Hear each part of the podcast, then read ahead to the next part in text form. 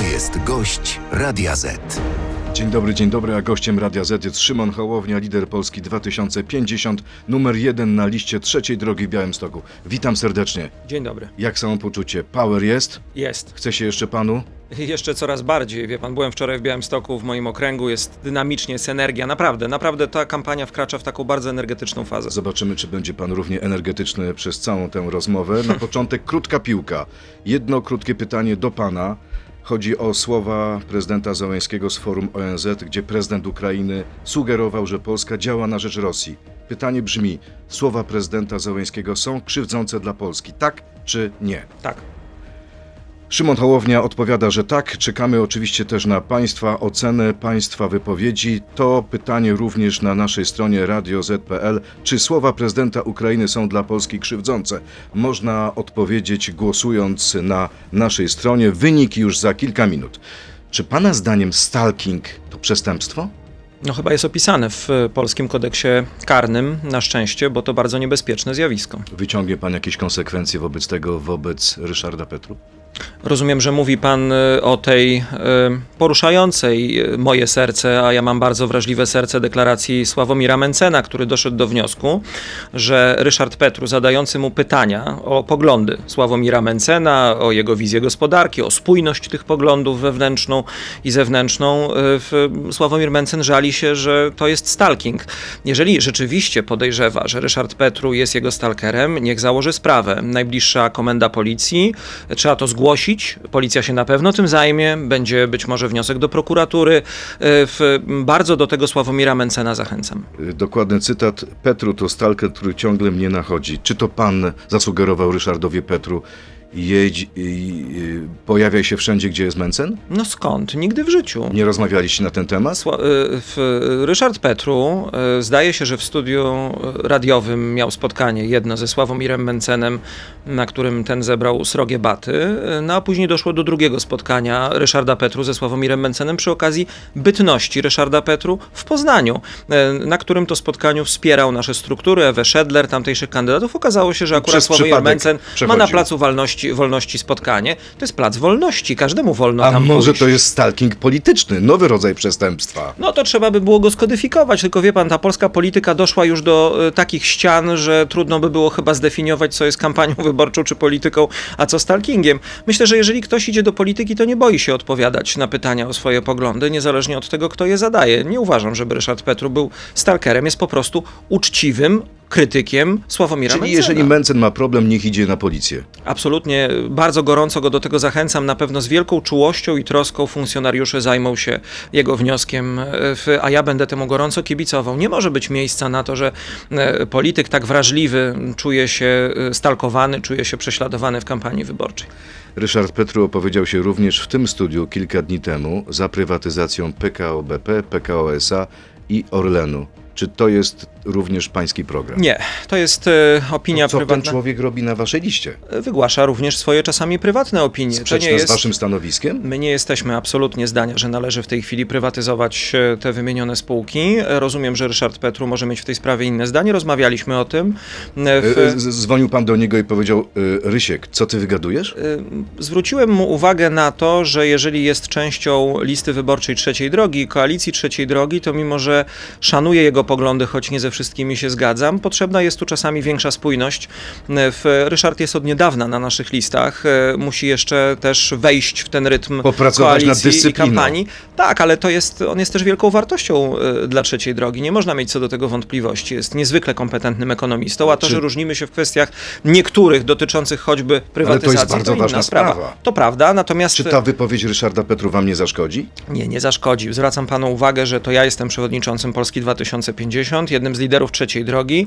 Nasza partia wyrażała w tej sprawie jasne stanowisko. Naszym priorytetem nie jest prywatyzacja, a uporządkowanie sytuacji w spółkach Ale ktoś Skarbu może Państwa. powiedzieć, dlaczego ja mam głosować na trzecią drogę, która nie może się dogadać wewnątrz swojej listy pan, co do e, konkretnych spraw? Nie, ale to nie jest tak, że nie może się dogadać. Po prostu niektórzy z nas wygłaszają prywatne poglądy. E, w, zwróciłem uwagę na to, że w kampanii nie ma prywatnych poglądów.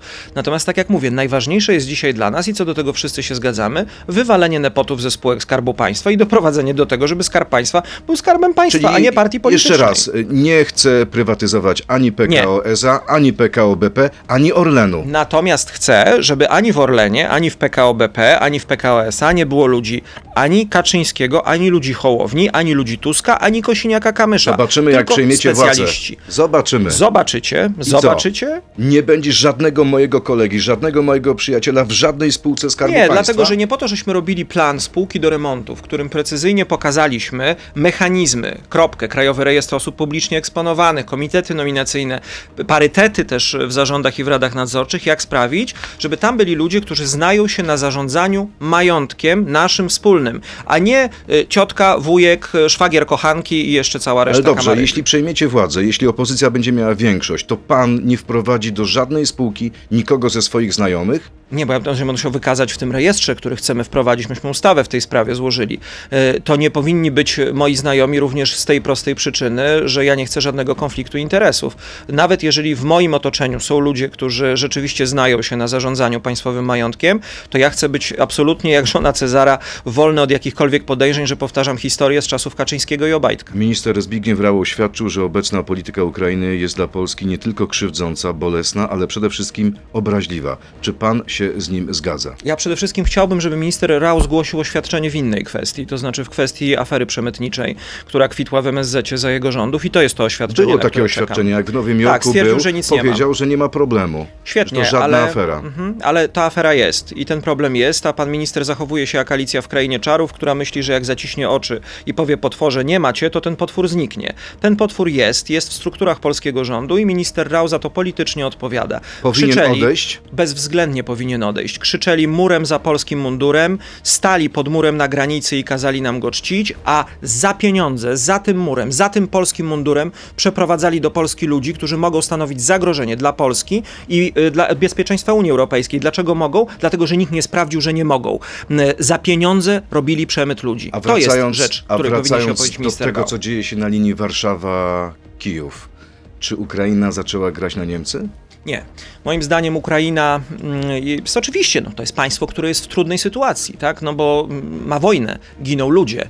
Mm, W, to u nich była bucza, e, to u nich były te straszne rzeczy, które oglądali, e, w, kiedy ci rosyjscy zbrodniarze ich atakowali.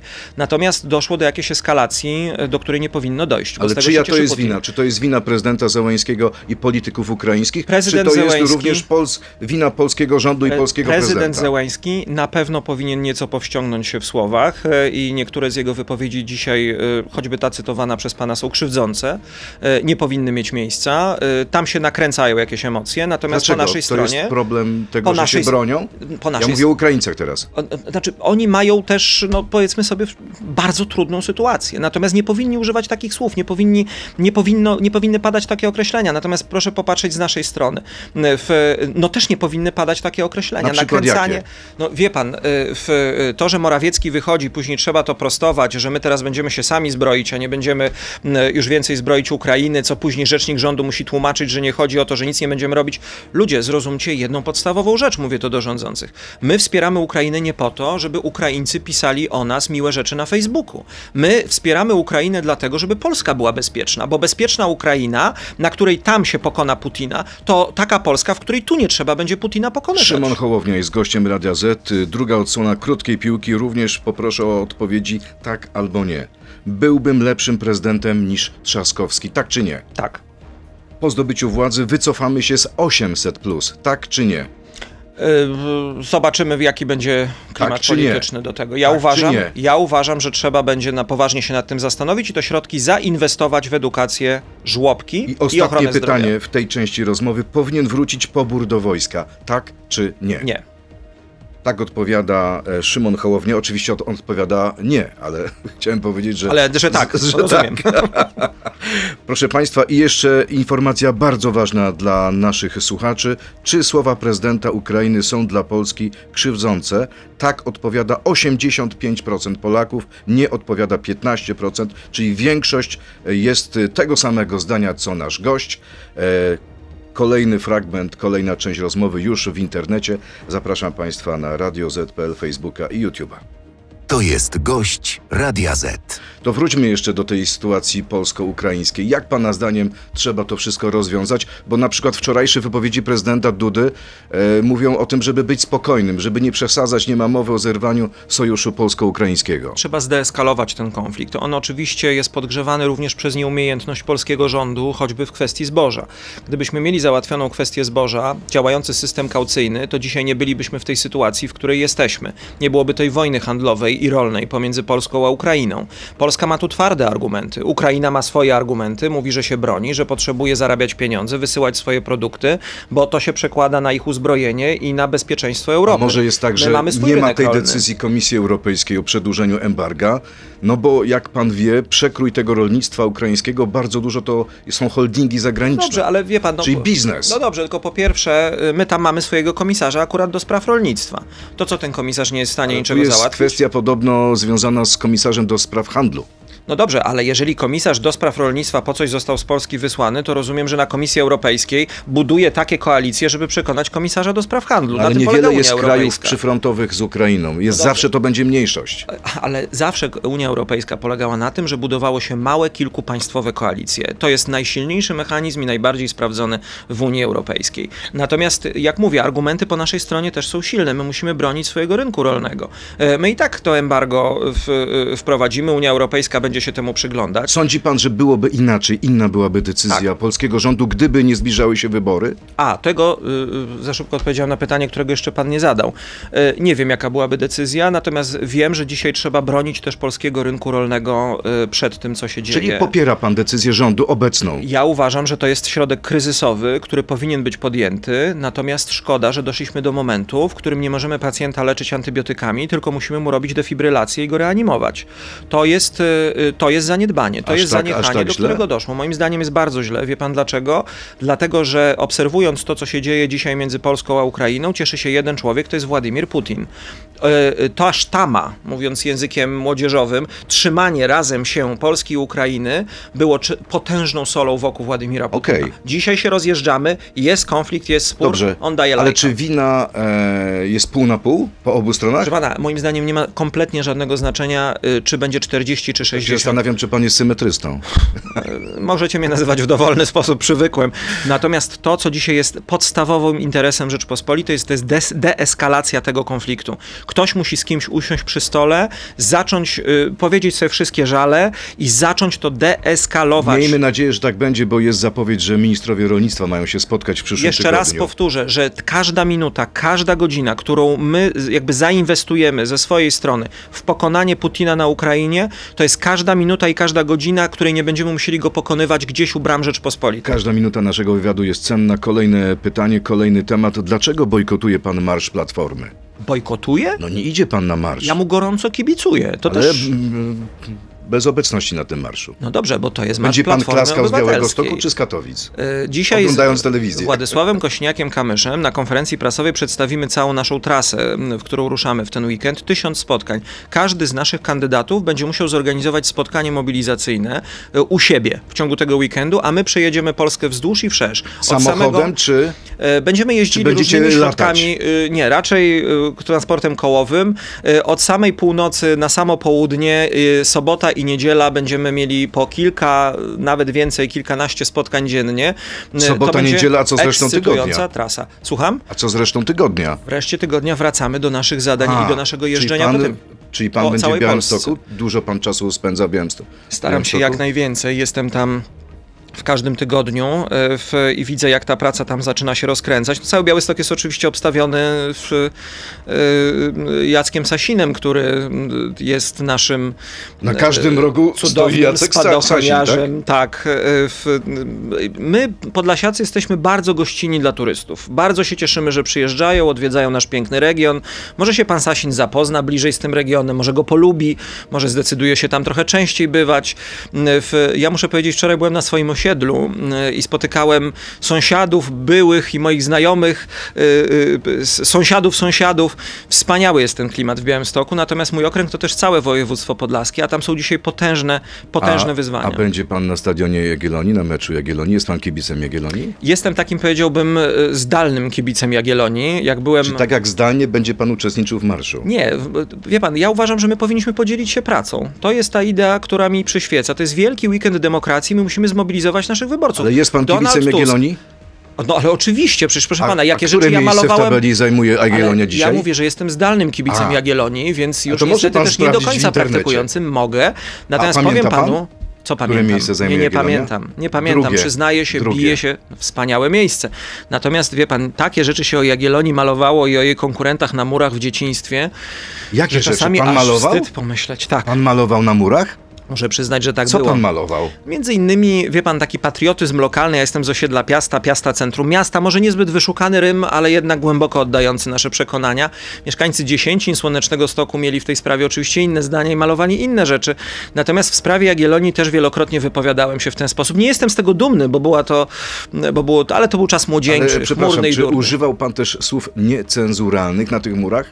Zapewniam pana, że ja zawsze starałem się również te slogany, które inni pisali w sposób wulgarny, pisać piękną literacką polszczyzną, żeby nikt nie miał Czyli wątpliwości. pisał pan wiersze na murach? Wiersze, czasami również wiersze prozą, ale na pewno była to, y, no, taka powiedziałbym, literatura, taka jaka była dostępna wtedy kilkunastolatkowi. I tak rozpoczął się ten marsz literacki Szymona Hołowni. Tak ćwiczył pan swój talent. No, wie pan, talent ćwiczyłem, 20 chyba jeden książek w życiu też napisałem, y, więc człowiek się na tych murach rozpisał, a później już poszło. A koniec, ale mury runą.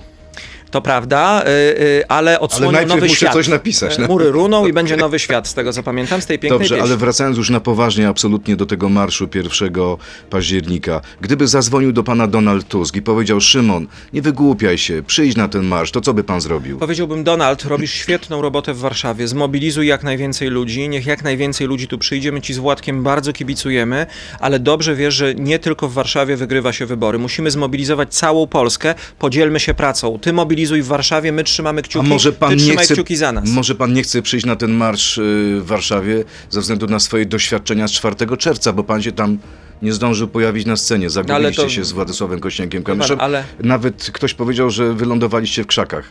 W krzakach. Tak. Czyli y, jak to pisali łacińsko piszący szlachcice w Polsce, fugas chrustas nastąpiło. No nie. Y, y, Fugas Chrustas. Niczego, niczego podobnego sobie nie przypominam, a pamięć mam dobrą. Natomiast wie pan, mnie to współczucie, że myśmy nie doszli na tę ambonę, z której tam mówiono, bardzo wzrusza. Natomiast to był marsz, na którym chodziło o ludzi. Politycy mają 364 dni na gadanie. Tam rozmawialiśmy z ludźmi. Myśmy się po prostu cały czas rozmawiali z jakimiś ludźmi. Ja nie mam do siebie żalu, że nie przemawiałem i myślę, że też słuchający nie. Natomiast to było wspaniałe wydarzenie. Ja tam byłem. Kłopot polegał na tym, że ta mobilizacja warszawska pokazała później za chwilę, za 2-3 tygodnie, demobilizację w No całym właśnie, kraju. i może to jest problem, że boi się pan, że jak pan pójdzie na, na marsz, to wzrośnie koalicji obywatelskiej, a nie wam. Nie, nie, nie. Bo, wie pan, jaki był efekt 4 czerwca. Wszystkim nam spadło. Taki był efekt. Wszystkim Ale Platforma spadło. jednak zyskała. No ile zyskała? Zyskała, miała około 30%, I nawet siedziała, zbliżała się do I PiSu. siedziałaby w opozycji i tyle by z tego było. Dzisiaj to jest projekt zespołowy. Przywrócenie demokracji w Polsce to jest team building, to jest y, praca zespołowa, to jest gra zespołowa. Donald ma swoją y, robotę do wykonania w Warszawie i my naprawdę za niego trzymamy kciuki. Team building, My Fugas mamy- Chrustas, jest, nie tylko, jest pan nie tylko poetą, pisarzem, ale także poliglotą. Złapał mnie pan rano, kiedy jeszcze nie kontroluje się do tego stopnia, żeby nie wtrącać tego typu Czyli jak pan cytatów. to w jakim języku pan mówi do dzieci? Przeglądam Władysława Kopalińskiego i jego słowniki, a dopiero później udaję Czyli się na rozmowy do Radia Z. obok łóżka Kopaliński. Zawsze jakiś cytat muszę mieć na podorędziu. Okej. Rzecznik Platformy, który był również w tym studiu niedawno, mówił, że rozumie, że trzecia droga jest dzisiaj w trudnym położeniu, jeśli chodzi o sondaże, ale odcinanie się od koalicji obywatelskiej zwykle nie pomaga. Nie warto iść tą drogą. Nic mnie nie wzrusza tak jak troska moich e, serdecznych przyjaciół z Koalicji Obywatelskiej. E, bardzo dziękuję za te słowa. E, Rozumiem, że dzisiaj każdy z nas musi troszczyć się o swoje sondaże i o to, żeby wystarczyło wyborców do tego, żeby doprowadzić do zmiany. Natomiast my nikogo nie będziemy pouczać, nikomu nie będziemy wskazywać, czy idzie tą drogą, czy inną drogą. Uważamy, że każdy na opozycji demokratycznej ma swoją pracę do A wykonania. i wie pan, jaki jest najnowszy sondaż? Najnowszy sondaż to jest sondaż dla Onetu, y, sondażowni Ibris. Y, PiS 35, Koalicja 26, Konfederacja 9,9, Trzecia Droga 9,2. E, Jak weźmiemy pod uwagę błąd statystyczny, to możecie spaść poniżej 8% y, i próg. Albo wzrosnąć powyżej 12. Oczywiście. E, Jutro zobaczy pan e, sondaż, przypuszczam, w którym PiS będzie miał 37, a pojutrze taki, w którym będzie miał 31. Nie przejmuje się pan sondażami? Kompletnie nie. Uważam, że Nie robicie narzędzie sondaży własnych, robimy, wewnętrznych? Robimy To po co i staramy robicie? się. Robimy dlatego, że te sondaże, które my robimy, robimy w fali. E, mamy pewność co do metodologii. Wiemy, jak są robione, wiemy, jak układa się trend. Sondaże zaczynają zyskiwać wartość w momencie, w którym układa je się I w co wynika z waszych sondaży, jeśli chodzi Że o mamy trend? 11%, 10-11% silne i stabilne. A co z natomiast pozostałymi ugrupowaniami? One dzisiaj, te nasze sondaże wskazują, że jest lekka przewaga opozycji demokratycznej. Gdyby Mówi przyszło pan do o tworzenia mandatach, czy rządu. mówi pan o Mówię procentach? o mandatach, mówię o Okej. mandatach. E, Natomiast to się wszystko dzieje tak na włosku, to się wszystko dzieje tak na granicy, że w mojej ocenie dzisiaj trzeba założyć, że mm, e, no, prawdopodobne są dwa scenariusze. PiS i tak dostanie mniej mandatów niż dostał w 19. Tu co do tego No chyba nie ma pewne. wątpliwości. Więc tu nie będzie jakiegoś sukcesu PiSu. Natomiast pytanie, czy będzie zawieszony parlament, e, moim zdaniem, czy będzie, e, czyli taki parlament, w którym nie uda się wyłonić Myślałem, że większości. ktoś chciałby zawiesić parlament. Nie, nigdy w życiu, no to już jakaś Czyli dyktatura. po prostu będzie absolutny pad. Będzie pad, albo y, będzie y, jakaś przewaga opozycji demokratycznej, teraz trzeba wypracować, żeby była jak największa i ja w to wierzę. Wie pan, o sondażach to ja mogę mówić wiele, natomiast powiem jedno. Ja mam wrażenie, że to narzędzie nie sprawdza się. To jest jak termometr, który mierzy gorączkę człowiekowi, y, u którego ta gorączka skacze za szybko, żeby termometr to mierzył. E, Proszę zobaczyć, dzisiaj się coś dzieje, e, dziś, jutro idzie ankieter i e, zadaje pytania, zanim to zostanie przerobione 2-3 dni, zanim się pokaże w mediach kolejny dzień, mamy tydzień albo 4 dni po zrobieniu sondażu, a świat się już obrócił trzy razy Może do tej. Zrezygnujmy z ciszy wyborczej, skoro te sondaże tak naprawdę nie odzwierciedlają stanu na teraz. W normalnym świecie mógłbym o tym W porozmawiać. Ameryce nie ma na przykład takiego W normalnym zakazu. świecie mógłbym o tym porozmawiać, ale polska demokracja nie jest w normalnym momencie. Y, To jest taki kipisz i tu się dzieją takie rzeczy, że trzeba naprawdę wziąć na wstrzymanie. A ja do kolegów z opozycji demokratycznej i naszych wyborców mam tylko jedną prośbę. My ganiamy teraz jak w jakimś obłędzie, od sondażu do sondażu, od euforii do depresji. Jednego dnia opozycja wygrywa, wszyscy są szczęśliwi, hurra, jedziemy do przodu. Następnego dnia okazuje się, że PiS ma większość, dramat, koniec, Kaczyński wygrał. Kaczyński jedzie jak czołg i jego ludzie. Oni wierzą w wygraną, nie przejmują się żadnym sondażem, niczego nie komentują. A u nas rozdzieranie włosa na czworo, lamenty, a co będzie jak zajmiemy ósme miejsce, a ktoś nie przekroczy progu, a to będzie trzeba wierzyć w zwycięstwo. Wierzyć w zwycięstwo i zasuwać. Tak się wygrywa. Tak się wygrywa w sporcie i tak się powinno wygrywać wybory. Uwierzmy wreszcie w naszą siłę. To teraz pytania od naszych słuchaczy, jest ich bardzo dużo, więc bardzo proszę pana o krótkie odpowiedzi. Zna pan mnie i wie, że jestem specjalistą w tej dziedzinie. Tak jest. Specjalista od lakoniczności. W ostatnim czasie wyciekło zdjęcie, jak pański kandydat z list trzeciej drogi unosi rękę w geście faszystowskiego pozdrowienia. Według pana niedawnych słów kandydaci mieli być nową jakością, a nie ludźmi z dziwną przeszłością. Jak pan to wytłumaczy? że to był głupi, idiotyczny wybryk szesnastolatka, który Wybaczył dzisiaj jest po pan? 40. No wytłumaczył się z tego, powiedział, że nie ma żadnego związku ani z tym towarzystwem, ani z tymi, e, w, z takimi organizacjami. No po prostu był na imprezie, wydurniali się, głupio się zachował, e, przeprosił za to. E, no cóż, no można tylko ubolewać. Sławomir Mencen też mówi, że ta piątka Konfederacji to jest przeszłość i absolutnie tak No tak, myśli. tylko że y, kandydat, o którym pan wspomniał, robił te rzeczy, jak jeszcze nie śniło mu się, że będzie w polityce y, i był po prostu dzieciakiem gdzieś tam y, w Radzyniu Podlaskim, natomiast Sławomir Mencen robił to już jako projekt polityczny. No jednak tutaj trzeba zastosować dwie różne miary. Dzisiaj ten kandydat, o którym pan mówi, mówi też, że to jest jego misja w polityce, sprawić, żeby nigdy młodzi ludzie e, nie musieli e, szukać sobie zachowań takich, jak on sobie chował, takich, jak on sobie znalazł e, i żeby też nad tym pracować. Czyli żeby walczyć z narkomanią, najpierw trzeba spróbować narkotyku? Nie, to nie zawsze tak działa. Natomiast jeżeli ktoś popełnił błąd w życiu, zrobił głupotę jako dziecko, to rozumiem, że ma tego świadomość, jak waży ta głupota. On się dzisiaj też o tym przekonał i że ze zdwojoną siłą będzie się starał z tym walczyć. Kolejne pytanie. Według Michała Kobosko program Akademik za złotówkę to nie rozdawnictwo, to inwestycja. Jak to jest, że jak inni kupują głosy wyborców ich własnymi pieniędzmi, to jest to rozdawnictwo, a jak wy kupujecie, to jest to inwestycja. To jest bardzo uproszczony pogląd. Gdzie my rozdajemy tutaj pieniądze? Przecież my pozwalamy y, ludziom, którzy dzisiaj, których dzisiaj na to nie stać, skończyć szkołę. To jest inwestycja, skończyć szkołę wyższą. E, ten Ale program. skądś te pieniądze trzeba wziąć. No ale to trzeba Na wziąć. akademik. Ale wie pan, Na no, dofinansowanie ale, ale my powiedzieliśmy akademika. skąd chcemy to wziąć. Myśmy jako chyba jedyna partia pokazali skąd my weźmiemy tych 70 parę miliardów na nasze obietnice. W, pokazaliśmy na przykład skąd weźmiemy, wie pan, ja też mówię, trzeba zrobić 100 tysięcy miejsc w żłobkach natychmiast. Skąd weźmiemy na to 3 miliardy 100 milionów złotych? Choćby z tego, że zawiesimy projekt y, pilnowania łąki w Baranowie za 9 miliardów Zawiesicie złotych. CPK? Y, Oczywiście, że tak. 9 miliardów złotych za pilnowanie łąki rocznie, podczas kiedy za to można zrobić 300 Ale za tysięcy kilka lat miejsc ma w żłobkach. powstać niesamowite centrum komunikacyjne, ważne dla Polski i dla Europy. Wie pan, y, ja wielokrotnie już mówiłem, że zwiedziłem trochę świata. Rozmawiałem z ludźmi w Australii, w Papui Nowej Gwinei, w Ameryce Południowej. Oni wszyscy myślą tylko o tym, żeby polecieć do Baranowa. Budzą się rano i to jest ich pierwsza myśl. Jak polecieć wreszcie do Baranowa? Pod Łódź, na CPK. Czekamy, kiedy to będzie możliwe. W- Wymyślili sobie wielki, gargantuiczny projekt, y, który jest w duchu ich projektów, takich wielkich, narodowych, centralnych i go pchają do przodu, nie patrząc na to, jaki jest rynek lotniczy, na to, że produku- pro, projektują koleje TGV wielkich prędkości w Polsce, a ludzie nie mają jak dojechać z Błaszek do Sieradza do pracy. Najpierw zbudujmy kolej dla ludzi, Czy którzy ja dojeżdżają dobrze 40 rozumiem, że jeśli km do dojdziecie pracy, do a nie władzy, kolej między... to te wszystkie pieniądze, które zostały wydane na ten projekt, no pójdą do piachu. Nie, jak nie pójdą, zatrzymacie ten nie, projekt. nie pójdą do piachu. Zrobimy audyt tej inwestycji, zobaczymy, jak ją należy przyciąć do realnych standardów. A, do czyli realnych... może na przykład zmniejszyć, tak? Zmie- w ogóle przestać kreślić te linie, zmniejszyć ten projekt, być może zamrozić go na jakiś czas. Nie robi na panu wrażenia? Nie zupełnie, wie pan, bo ja co prawda epoki Gierka nie pamiętam, kiedy y, robiono takie rzeczy, ale rodzice mi opowiadali. To wtedy była taka epoka, kiedy budowano wielkie narodowe centra. y, W, y, oni chcą narodowe mieć lotnisko, teraz słyszałem, że chcą mieć narodowy sklep spożywczy na bazie Krajowej Grupy Spożywczej. Idziemy w stronę, gdzie będziemy mieli narodowy postoj taksówek za chwilę y, i inne rzeczy. Pamięta pan ten pomysł? Jeszcze to chyba za ministra Ardanowskiego było centralnej rzeźni, która miała być w Bielsku Podlaskim. Miało się nazywać PZU, Państwowy Zakład Ubojowy. Mieliby kolejne PZU, e, żeby tam obsadzać swoich ludzi. To, to, to jest powrót do na, PRL-u. na razie mamy rzeźnię polityczną. Mamy to prawda. Wasza kandydatka, kolejne pytanie w Grudziądzu. Beata Gurbin w wieku 38 lat jest na emeryturze policyjnej. Czy może pan powiedzieć nam coś więcej o zachęcaniu Polaków do dłuższej aktywności zawodowej na przykładzie pani Gurbin? Ale pani Gurbin skorzystała ze swoich praw jako była policjantka i prowadzi dalej e, swoją działalność. E, Umówiliśmy się w państwie tak, że funkcjonariusze służb mundurowych z jakichś powodów mają e, szybciej uprawnienia emerytalne. Mają je między innymi z tego powodu, jaki charakter ma ich praca.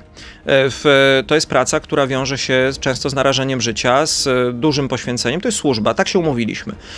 Jeżeli ona korzysta z tych swoich uprawnień, a dalej prowadzi swoją działalność, to ja się bardzo cieszę, bo to znaczy, że składkuje. Kolejne Jak pytanie. składkuje, to y, wszystko jest tak, jak powinno W być. listopadzie 2022 zapowiedział pan, że każdy wasz kandydat będzie musiał przedstawić zaświadczenie o 30 godzinach przepracowanych w ramach wolontariatu. Miały one zostać opublikowane na waszej stronie. Tak się nie stało. Pan Kobosko nie był w stanie odpowiedzieć dlaczego. Może panu się uda. Tak, rozmawialiśmy o tym z naszą sekretarz generalną Agnieszką Buczyńską. Zapewniła mnie, że te oświadczenia wpłynęły. E, W, będziemy się starali Kiedy rozwiązać się problem. Nie wiem, muszę zapytać tych, którzy zarządzają stroną, jak szybko będziemy w stanie to przeprocesować. E, W, te oświadczenia powinny się tam zacząć pojawiać, mam nadzieję, niebawem. Czy przed wyborami zdążycie? Mam nadzieję, że tak będzie. Jeżeli, jeżeli, się to się, jeżeli to się nie stało już, to ja przepraszam oczywiście za to, ale to są też kwestie organizacyjne, z którymi mierzymy się przy tych wyborach w stopniu, w jakim nie mieliśmy y, pojęcia, że będziemy się mierzyć. Kiedy pytałem o tę sprawę Ryszarda Petru, on mówił, że przepracował w wolontariacie i powiedział, że on uważa, że wykłady bezpłatne to jest wolontariat. Pana zdaniem tak czy nie? Musiałbym się dowiedzieć więcej o tej konkretnej sytuacji. Ja w wolontariacie przepracowałem pół życia i wiem, że on ma bardzo różne formy. E, Chcę dowiedzieć się więcej i wtedy się w tej sprawie Czyli porozmawia pan z Ryszardem Porozmawiam. Petru. Jaką kwotę pan wpłacił na obecną kampanię Polski 2050? Nie pamiętam. Musiałbym to sprawdzić Tak w dużo to rejestrach. było, że pan nie nie pamięta. Nie, było to dużo. Wydaje mi się, że wpłaciłem trochę ponad 10 tysięcy złotych na swoją kampanię wyborczą, ale musiałbym to sprawdzić w rejestrach. Ja też e, wpłacałem pieniądze w ramach takich stałych darowizn na partię. Muszę sprawdzić, ile poszło na fundusz wyborczy. I kolejne pytanie z, tej, z tego tematu. Czy to prawda, że dostaliście odmowną odpowiedź na wniosek o kredytowanie kampanii? Dostaliśmy wiele odmownych odpowiedzi na wniosek na kredytowanie kampanii, natomiast jeżeli chodzi o kredyt, e, to dostaliśmy też pozytywne odpowiedzi.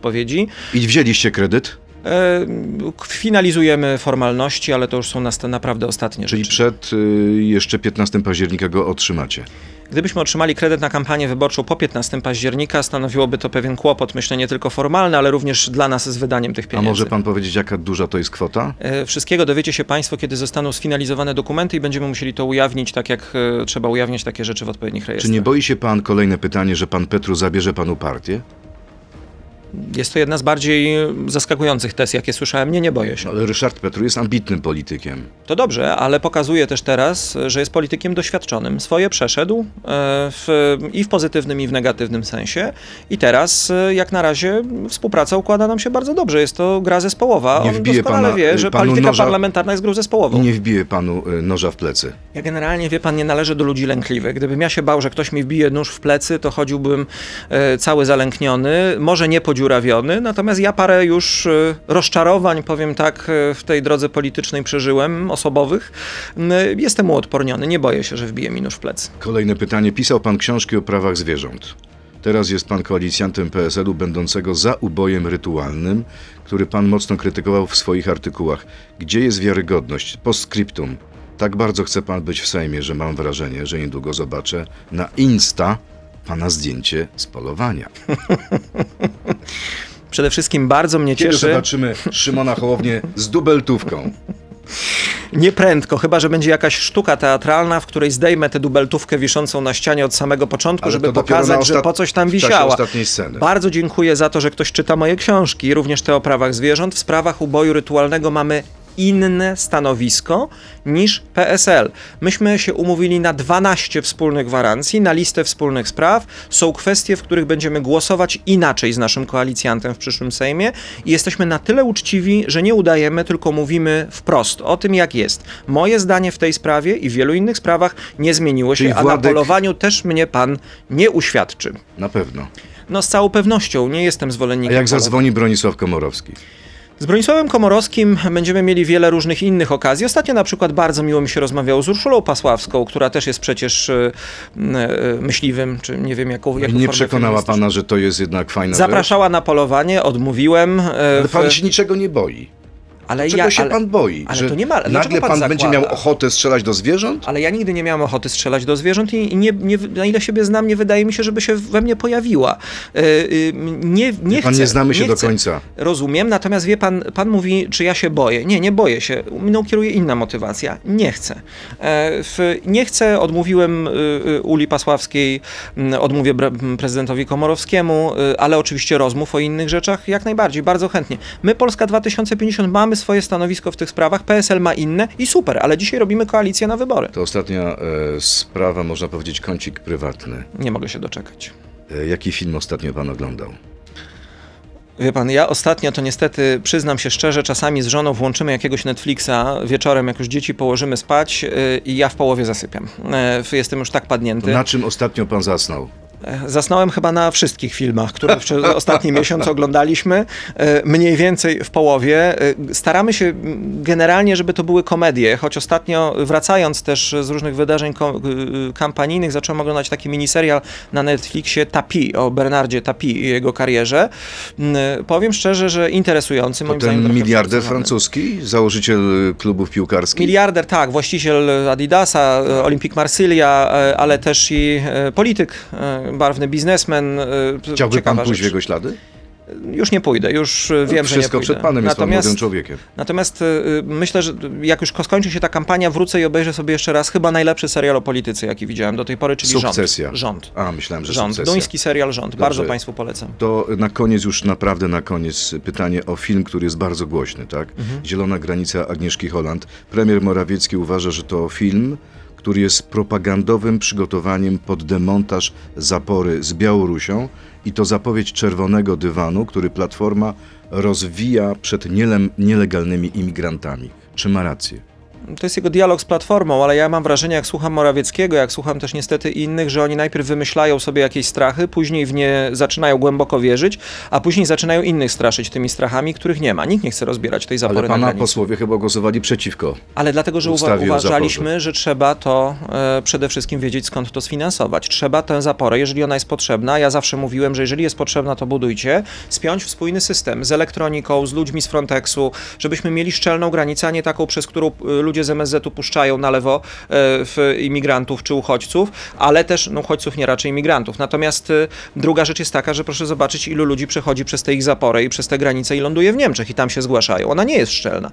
E, Ta dyskusja o filmie, no, ob, ob, oburzająca wypowiedź prezydenta wczoraj. E, On się tłumaczył wczoraj, że cytował tylko i No wyłącznie nie, no ale on, list strażników on, jest, on granicznych. jest prezydentem, on jest prezydentem, nie cytuje niczego bez powodu. Wyzywanie Polaków, którzy oglądają nie te filmy, które się podobają prezydentowi od świń, od kolaborantów, to jest coś, co się w moim pojęciu politycznym absolutnie A nie pan mieści. obejrzy, zdąży pan obejrzeć ten film jeszcze przed 15 Nie października? wydaje mi się, żebym przed wyborami zdążył. Ja w ogóle pochodzę ze świata, w którym o filmach powinni wypowiadać się krytycy, a nie politycy. E, I rozumiem, że ten film może budzić duże emocje, być może nie przedstawia całej rzeczywistości, jaka tam miała miejsce na granicy. Ja jestem pełen szacunku e, dla e, oddania i poświęcenia wielu polskich żołnierzy i funkcjonariuszy, ale też nie zgadzam się absolutnie z polityką pushbacków. Uważam ją za nieludzką, niehumanitarną i bezprawną i za naszych rządów ona się skończy. Na granicy zapanuje spokój i bezpieczeństwo, a nie ganianka teraz po mediach e, i obrzucanie się jedni drugim. Słuchajcie, my naprawdę potrzebujemy spokoju. Mamy wojnę za granicą. Czy to znaczy, że jeśli przejmiecie władzę, to nie będziecie odsyłać tych ludzi, którzy przekroczyli granicę na drugą stronę? Przede wszystkim sprawimy, że granica będzie szczelna, a Polska będzie bezpieczna. A jak granica tacy ludzie się święta. pojawią po To polskiej będą stronie? się zgłaszali w takich punktach, to będą przewożeni do takich punktów, w których będzie można z nimi załatwić formalności. Chcą złożyć wniosek? Proszę bardzo, proszę złożyć wniosek. Deportacja, ale wtedy ta deportacja jest humanitarna. Normalnie tak jak się robi deportację osób, które nielegalnie przekroczyły granicę, zgodnie z konwencją genewską, albo jeżeli wniosek zostanie rozpatrzony Czyli pozytywnie, zostaną sprawdzeni jako bezpieczni. z pushbackami. Słucham? Precz z Absolutnie tak. I bezpieczna granica, nienaruszalna granica. Granica państwowa to jest świętość. A jak pan jedzie samochodem, bo wraca pan chyba samochodem z naszej rozmowy, to przekracza pan czasami granicę dozwolonej prędkości, czy nie? Pyta pan jak spowiednik o kwestie dotyczące Broń sumienia. Boże, nie mam takich ambicji ani aspiracji. Niestety przyznaję, że staram się okiełznać mój temperament za kierownicą. Staram się, zwłaszcza w obszarze zabudowanym, absolutnie przestrzegać ograniczeń prędkości. Ostatnio zauważyłem, że robię to na tyle skrupulatnie, że bywam obtrambiany albo też wyprzedzany przez tych, którym śpieszy się bardziej. Czyli jeździ pan jak żyłów. E, Nie jak żółw, tylko staram się jeździć zgodnie z przepisami. Natomiast A jak e, zatrzymają pana policjanci, mam to, nas, to znaczy co? nie jest tak, że nie mam nic na Proszą o sumieniu w tej czy wylepiają nie, nie, nie, mandat? Nie, nie, nie. Ja nigdy nie dyskutuję z policjantami, jak mnie zatrzymują. Zdarza się, że mnie zatrzymują. Nigdy nie dyskutuję. Przyjmuję mandaty. W, nie ma wątpliwości. Czasami się człowiek zamyśli, czasami czegoś nie zauważy. Jesteśmy wszyscy tylko ludźmi. Z policją w takich sytuacjach nie ma dyskusji. I nie ma żartów. E, Żarty często są, bo to są A. często sympatyczne rozmowy, natomiast nigdy nie odmówiłem mandatu, nigdy nie dyskutowałem z policjantem, nigdy nie prosiłem o łaskę. E, Zawsze e, sprawa jest załatwiona na miejscu. Naszym gościem, gościem Radia Z był człowiek, który nigdy nie prosi o łaskę.